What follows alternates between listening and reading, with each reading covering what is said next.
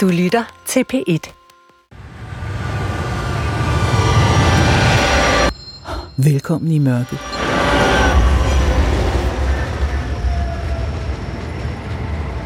Måske synes du, der er fint lys omkring dig lige nu. Det jeg snakker om, det er det mørke, der findes inde i alle mennesker. Aller inderst inde. Jeg har været der, og det her det er en invitation til dig.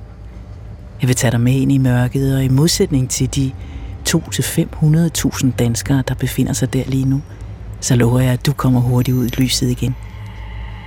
Jeg hedder Anne Kær, og jeg har i mange år siddet her i din radio og talt om bøger, drømme, fisk, tusind andre ting. Det er første gang, jeg skal fortælle om mit eget liv, og det føles lidt underligt.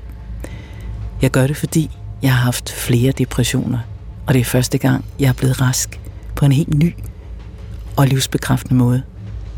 Det er jeg især blevet, fordi nogen har delt deres personlige erfaringer med mig, så nu deler jeg mine med dig. Jeg gør det også, fordi mange mennesker får tics i hele kroppen, når jeg fortæller, at jeg har haft en depression. Jeg tænker, at folk reagerer sådan, fordi de ikke ved, hvad det vil sige at have en depression. Det forstår jeg godt. Jeg er heller ikke sikker på, hvad det er. Men jeg ved, hvordan det føles.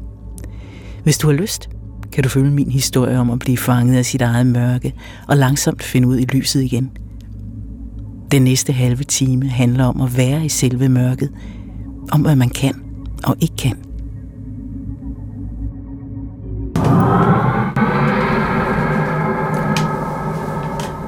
Åh, oh, fuck, det var uhyggeligt. Det første, du hørte, da det her program gik i gang, var et forsøg på at sætte lyd på, hvordan det føles at være i mørket. Det er Finn. Det er Anne. Hej. Værsgo. Tak. Finn Markvart er lyddesigner. Han har sit eget firma midt i København, Mastermind Productions. Hej.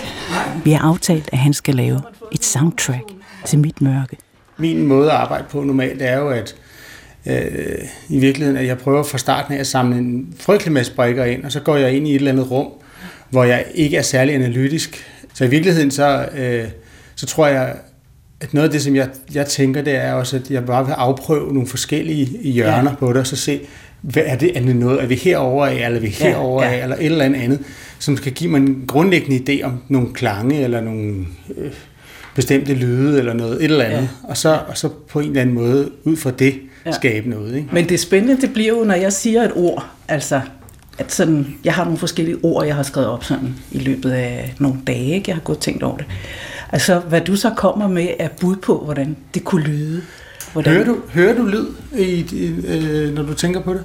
Øh, nej, altså nej. Øh, jeg, har, jeg har skrevet, som sagt, jeg har skrevet de der ord, som, som for mig er, er, er når der, jeg er helt inde i det der mørke, ikke nede i det der hul. Øh, og jeg har også sådan, nogle af dem har jeg sådan skrevet noget på, altså for eksempel stress har jeg skrevet sådan noget, der sådan skuer mod ja. noget, ikke? Altså det er sådan den følelse. Ja. Ikke noget, der går helt vildt hurtigt, men noget, der sådan skuer. Der ligger. Så, så nogle ting har jeg skrevet lidt, øh, lidt lyde til, men... Har du farver på det? Øh, nej, det er jo... Det er kulsort, ikke? Altså, Det er simpelthen kulsort. ja. Der er ikke Er noget... der tomt? Ja, det er der nemlig, og det er meget sjovt, du siger det, for det allerførste ord på min liste er tomhed. Og det tænker jeg, når jeg siger det til dig, kan vide, hvad du så siger, fordi det vil, altså, det vil modsætning. Man kan vel ikke lave lyd på tomhed? Jo, det synes jeg godt, man kan. Det kan man Fordi ja, ja, altså man kan jo sige grundlæggende, at et rum, der er meget tomt, har meget ofte en, en meget stor klang. Og Hvordan lyder det? Det kan være, at vi skal gå i gang med at... Ja, det kan være, vi skal gøre det. Nå. Men, allerførst skal jeg lige en kop kaffe. Ja, tak. Jeg vil også gerne bede om en. Så skal vi ovenpå. Vi skal simpelthen over. Jeg fortæller ham, hvordan det føles at være derinde. Han prøver at sætte lyd på mine ord. Jeg får fuldstændig gåse ud af det der.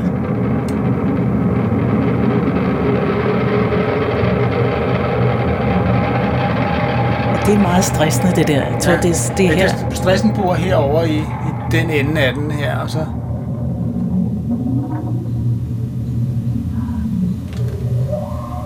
Så kan vi... Og det, det, der er meget godt i den der lyd. Der er også noget ensomhed derovre, hvor den... Øh, der var... Uh!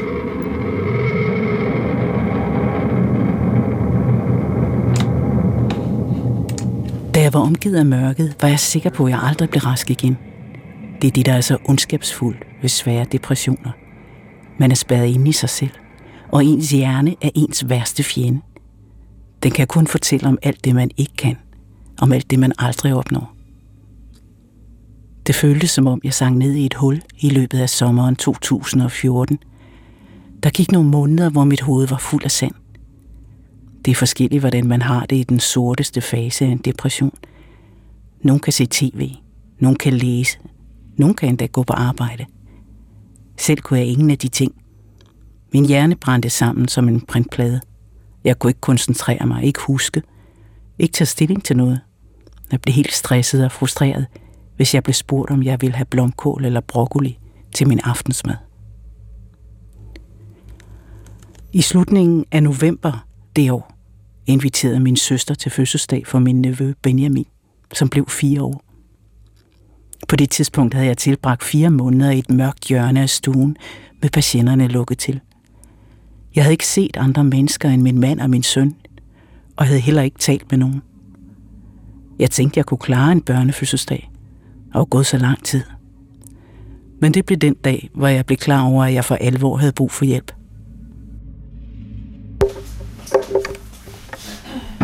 Mor, ja. jeg har lige tændt den. Ja.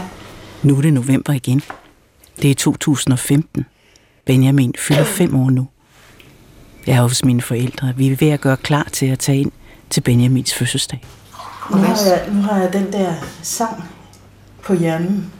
Altså den der sang, jeg hørte for et år siden, da vi kørte derind. Er det ikke mærkeligt? Jo, det er mærkeligt. Men hvis far og mig, vi kører kvart over ni, hvornår kører vi så? Kvart over 10. Ja. Min far og jeg tager tidligere sted for at hjælpe til. Benjamins familie bor i lejlighed på Amager. Hej. Må vi komme ind? Vi sender, vi sender en elevator. Det er bare godt. Ja, super. Det er en fast tradition til Benjamins og også lille søster Sofias fødselsdag, at familie og venner kommer til brunch. Det er en lige så fast tradition, at min far kommer tidligere end alle andre for at hjælpe til. Det er meget svært, Sofia, det her. Der er så meget. Jeg kommer tidligt sammen med ham for at kunne lave nogle optagelser af forberedelserne til fødselsdagen. Min far laver røræg sammen med Sofie. Fæberblobler. Der kommer blobler. Det er ikke blobler, det er bobler. Bobler. Kan du sige bobler? Bobler. Bobler. Der kommer blobler. Bobler. Jeg er i gang med at spole baglæns gennem min depression, for at blive klogere på, hvad der egentlig skete, og hvorfor. For at kunne fortælle om et mørke, som jeg ved er svært at forstå for mange. Et mørke, som jeg selv sad fast i, i efteråret 2014. Og jeg sad mere fast, end jeg selv var klar over. Jeg tænkte, vi lige kunne prøve at tænke tilbage på Benjamins fødselsdag sidste år. Ja. Mine forældre husker selvfølgelig godt den dag. Kan du ikke lige komme ind til bordet og lægge dine hænder der, sådan, så du er lidt tættere på? Men vi har aldrig talt om den før. Og vi har heller ikke talt om mine depressioner. Ja. Det bliver svært, ved vi. Og vi har gået skumlende rundt om den her optagelse i nogle uger. Fordi det ikke er så nemt at træne til at tale om sådan nogle ting, så beslutter vi os for den næstbedste, som jo er doping. Derfor drikker vi nogle ordentlige glas rødvin. Før, under og efter. Så måske snøvler vi lidt. Lige så snart du kom ind, kunne jeg se på dig, at det gik ikke. Du gik ud i køkkenet. Ja. Du gik ud i køkkenet og stillede dig. Og så kom med det ud, og, og du sagde, ej, ej, sikke en lækker computer, jeg har fået. Og så, så stod du derude, og der var jo så mange inde i stuen, så det var selvfølgelig en kæmpe overvindelse at skulle gå ind til så mange mennesker, når man i virkeligheden ikke har, har været sammen med nogen i lang tid. Ikke? Så det har været nok grænseoverskridende. Ja, det var det jo. Mm. Det, hele det står bare så soleklart for mig inde i hovedet. Jeg, kan, jeg kunne skrive en drejebog, så skete der det, så skete der det. Og så var det klart, at øh, vi var nødt til at køre hjem jo. I kørte her hjem til os. Ja. Og, så, og det, der var jo ikke nogen derinde, der ikke havde forståelse for det. De var jo alle sammen godt klar over, at det var så... Øh, for tidligt for dig at komme i byen. Eller hvad man siger. Efter fire måneder i mørket i efteråret 2014, kunne jeg stadig ikke være sammen med andre mennesker. Jeg forstod ikke, hvad der foregik, hvorfor min krop levede sit eget liv. Alt blinkede rødt, og min hjerne skreg flygt, som om børnefødselsdagen var en livstruende begivenhed. Nå, Sofie, så skal du også have tøj på? Men ikke nu. Prøv at se, nu har vi alle sammen snart tøj på. Du havde sagt, jeg tror, jeg kan klare det, den fødselsdag. Jeg tror, jeg er ved at blive Ja, øh, bedre. Ikke? Og, mm. og, og så man lige troede på det. men det, det, det Og troede det- jeg helt sikkert. Ja, øh, og så, at så jeg troede jeg det jo også. Ja. Og så var det jo ikke helt i orden endnu, må man sige. Det var det faktisk slet ikke. Der gik jo lang tid. Jeg havde ikke, ja, der gik jo frygtelig der gik jo over et halvt år, Ja. altså, men jeg, jeg tror ikke, at jeg kunne mærke, hvordan det ville være at være sammen med så mange mennesker Nej. På en gang, som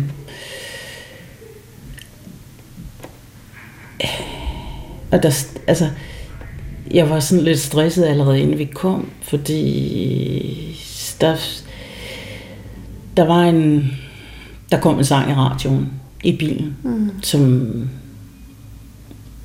øh, ja, som altid har haft en særlig betydning. Mm. Og så, øh, og så kom jeg til at tude, da den sang kom, og jeg, og jeg kunne ikke holde op. Og jeg kunne ikke rigtig være et sted, hvor jeg kunne, altså, hvor jeg, hvor jeg ligesom kunne få lov til at gøre det i fred, fordi der var hvad, 20 mennesker eller sådan noget. Ja. Altså, der var bare mange mennesker over det hele. Ja, det var ikke helt det rette sted at have det sådan. Mm.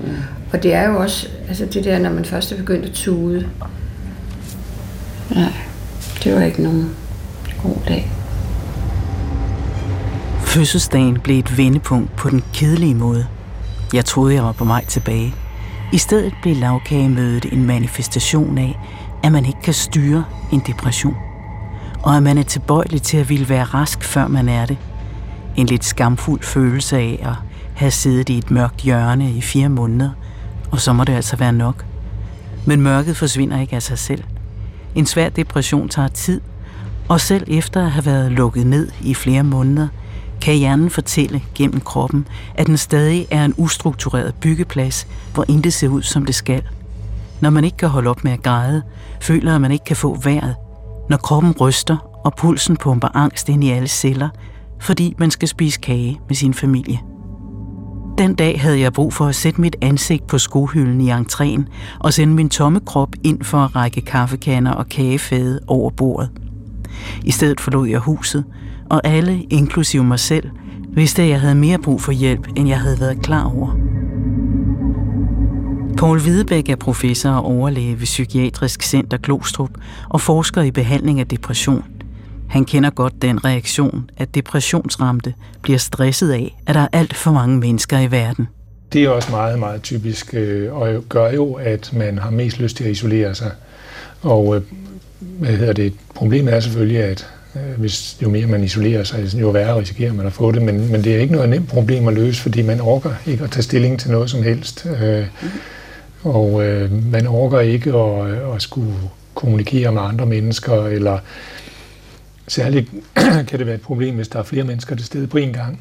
Altså familiesammenkomster, det, det er simpelthen en pestilens, når man har det sådan, ikke? fordi man kan slet ikke følge med i samtalen hen over bordet og sådan noget. Så. Men hvad kan, hvad, kan, hvad kan ens pårørende og venner egentlig gøre, hvis man, hvis man har det sådan, som jeg har haft det for eksempel? Altså, Ja. Hvad kan folk gøre? Altså, det er jo meget vigtigt, at man taler om det, fordi folk kan jo ikke forstå det.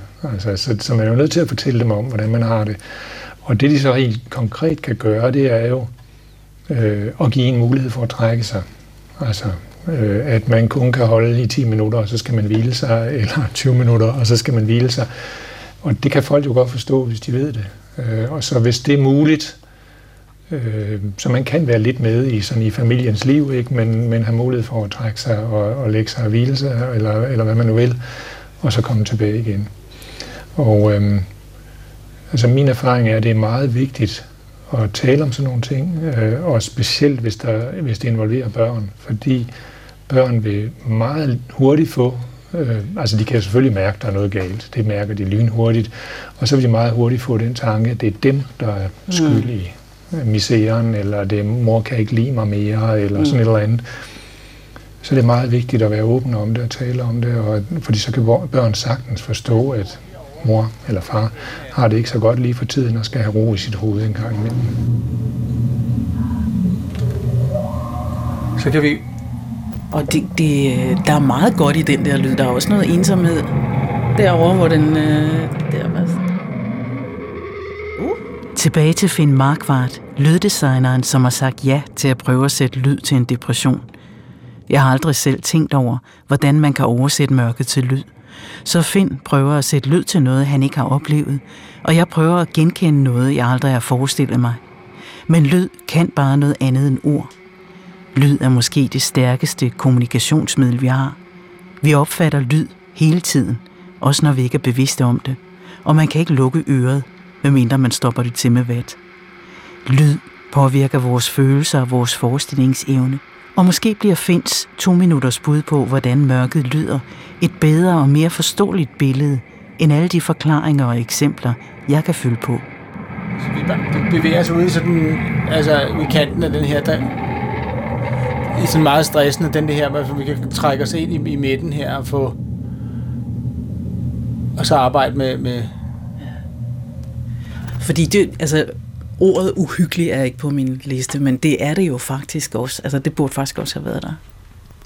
Ja, fordi, det her, fordi man kan også lige så snart, altså en klassisk konvention er jo, at lige snart vi har en eller anden meget, meget dyb lyd af en eller anden slags, så bliver den også i sig selv uhyggelig. Ikke? Okay. Øh, det er det, man altid bruger du, du, du, du. Oh, ja, ja, okay. ja, altså, men, men, øh, men, men det er jo bare sådan en, en klassisk en med en drone, den skal man selvfølgelig... Øh, Øh, alt efter hvor, hvor meget, hvor, hvor uhyggeligt det her. Er det uhyggeligt, synes du? Ja. Der er altså gyserfilm i det på en eller anden måde, altså på, på den, på en, altså et eller andet, som du kan relatere til, som bare er... Ja, altså fordi det er jo, det, det skaber en meget stor angst, at man, at man er, altså, at man ikke tror, man bliver rask igen nogensinde. Ikke? Og du skal være alene med dig selv, spadet inde i din hjerne, som kun vil skade dig resten af dit liv at det er meget, meget angstprovokerende. Ja. Og angst og uhygge, er det det samme for dig? Ja, det i hvert fald det, som du lige øh, spillede lige nu, ja. det kan både noget med angst og uhygge for mig. Ja. Øh, ja. Øhm, vi kan lige prøve den her lidt mere.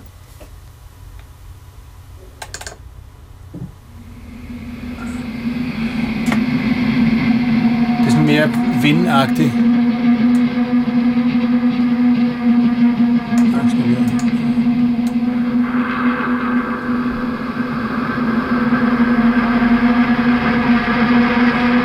Mere stressende støj, ikke? Så skal jeg lige ind i, øh, lige gøre noget her. Så skal jeg... Den, den, den lyd, der lige var nu, den synes jeg øh, var meget ensom. Altså, den gav mig næsten lyst til at græde. Det var, den havde meget ensomhed, synes jeg.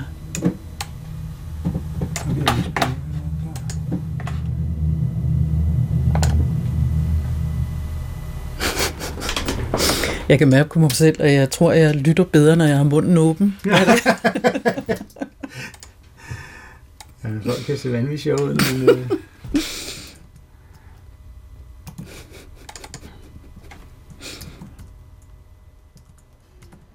Ja, sag. Ja, sag. Så kommer de. Hej. Hej. Det tog lige lidt tid, ikke? Vi skulle lige have resten med. Der, mor, der kom. Hej. Hej, der kom. Der ingen børn. Jeg troede, de sov. Hej. Hej. Til at starte med, så kan jeg i hvert fald huske, at jeg blev enormt glad over, at du kom. Det tror jeg ikke, det havde jeg ikke forventet. Og så tænkte jeg, at når du valgte at gøre det, så tror jeg, at jeg havde regnet med, at du var klar. Benjamins mor, min søster Mette og jeg har ikke talt om den dag, hvor jeg deltog i hendes søns fest, før jeg kunne. Men hun kan selvfølgelig sagtens huske fødselsdagen for et år siden. Så husker jeg bare, at jeg selv står i køkkenet. Laver de sidste ting. Og... Så jeg ser dig jo ikke, da du kommer ind. Men jeg fornemmer hurtigt, at du ikke skal være der. Hvordan kunne du fornemme det? Jamen, det, jeg fornemmer også bare, at altså, der er sådan lidt øh, på stemningen. Altså, jeg fornemmer, der er jo nogen, der har set dig. De, der har i hvert fald set dig, da du kom ind. Mm. Og jeg, det, jeg så ser af dig,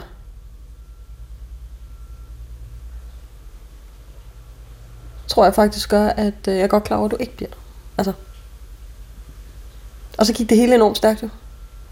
Der var kaos, ikke? Men hvad tænkte du der? Jeg tænkte... Øh, øh, shit, hvad sker der? Øh. Også for, selvfølgelig, fordi jeg ikke har snakket med dig. Ikke? Så det var sådan meget... Øh, ja. Anderledes fødselsdag. Der er tre der og to der. Ellers skulle der også sidde en på bordet, hvis det var. Kan man det så tæt, de to Ja. der, hva'? Det er mig, der sidder på bordet. Jamen, så kan man sidde to på hver side, tænker jeg. Jeg sidder på bordet. Ja, og så tænker jeg... Kan, ikke- der er jo enormt mange ting, jeg ikke kan huske, altså fra hele den periode. Snakkede vi sammen om, altså snakkede vi sammen efter fødselsdagen om, hvad der skete? Det kan jeg ikke huske. Ja, det, altså vi snakkede om, at, øh, at, det, øh, du, at du troede, du var klar, og at det så var for tidligt, men ikke i mere i dybden omkring det. Men der var også mange mennesker, da du kom. Altså, Der var rigtig mange mennesker. Jeg ved ikke, men i bilen på vej ind, der kom der et musiknummer. Den der um, You Were Always On My Mind. Maybe I didn't hold you. mm. Og af en eller anden grund, så fik det mig til at græde. Jeg kunne ikke holde op. Og så da vi kom, og der var så mange mennesker, så, øh, så var der ikke rigtig noget sted, hvor jeg kunne have mit ansigt i fred. Altså, jeg, prøvede jo, om jeg kunne gå ud på, derude, hvor I røg. Mm. Det der øh, lille øh, udstue var det nærmest, ikke? Mm. Ja. Men der sad nogen ude. Der kunne jeg ikke gå ud. Og så var jeg nødt til at gå helt ud af huset, ikke? Og så stod jeg ude på trappen, og jeg, jeg græd, og jeg græd, og jeg græd. Og så kom Jakob ud, og jeg sagde, jeg kan ikke være her. Og så sagde han helt i orden. Og at så må vi køre.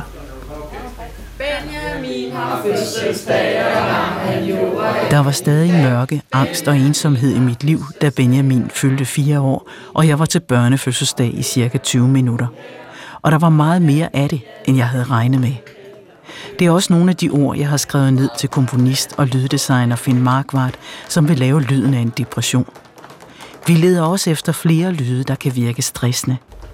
Er der noget af det, der har nogen puls? Altså umiddelbart, så det der hul, det er jo ligesom tomt og et eller andet. Ja. Og puls, det har det jo med at drive ting fremad. Ja. Men på en eller anden måde, så... Øh, Jamen, der er jo, altså, der er jo, der er jo stressen, som driver, altså, man får hjertebanken, og man bliver lidt, øh, lidt stakåndet, ikke? Altså, så Jo. der, der er jo det et kan også være en sted. puls, der ikke er steady, måske. Ja, det kunne det også være, Altså en fordi... eller anden, der ændrer lidt tempo og sådan undervejs. Da, da, da, Ja. da, da, da. ja. Altså på den Men måde. det er jo i sig selv stressende. det er Altså, stressende, ja. Helt afgjort. Lad os prøve at lave noget rytme, der ikke er rytmisk. ja. det er en rigtig, rigtig grim lyd. Kan du mærke sådan nogle puff nogle steder? Ja. Ja.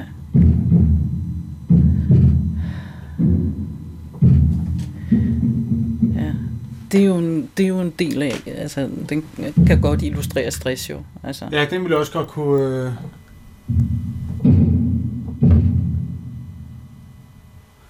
Det er i hvert fald en måde at... at Har du noget, der kan lyde ligesom altså ånde, åndedræt?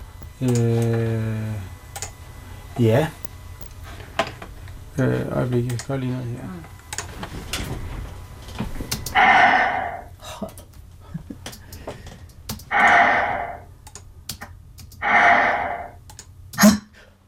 Ja, nu bliver det højt. Skru lige lidt ned her. Det, det er forkert.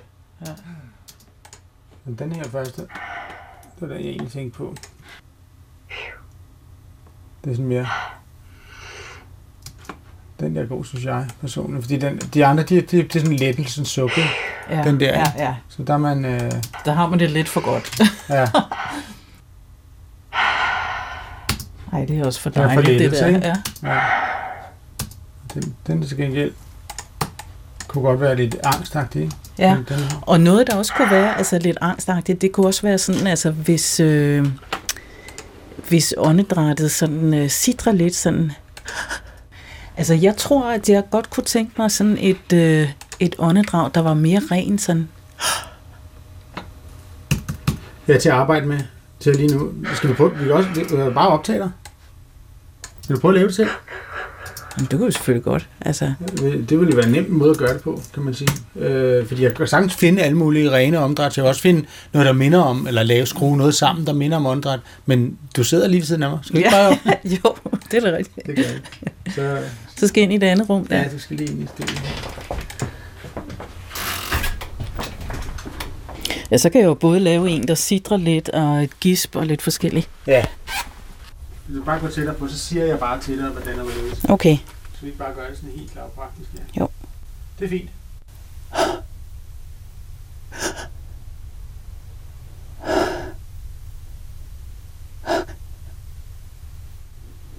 Bliver de tydelige nok? Ja, vi tjekker det lige her. Kommer du bare ud en gang? Ja. Efter nogle timer i Finn Markvejs studie rejser jeg hjem igen. I de kommende uger sender han mig lydskitser, som jeg lytter til og kommenterer, og han retter dem til. Vi er nået frem til, at det at blive pandet ned af livet føles lidt som at blive ramt af et tog. Og så en dag i marts kommer hans soundtrack til mørket.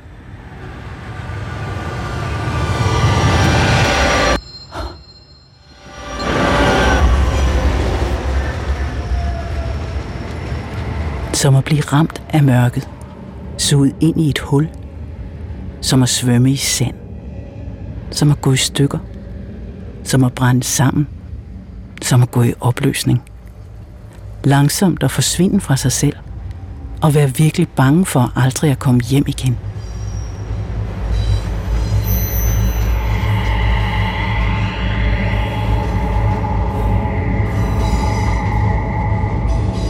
Måske begynder det med træthed, måske med tristhed eller ligegyldighed, og i starten er man som regel ikke klar over, at det er en depression, der er på vej. Man har ikke lyst til at være klar over det. Det kan også begynde med noget fysisk. Måske føles det, som om man har fået gigt eller influenza. Hør, hvordan det hele kan begynde i næste afsnit er Ramt af mørket.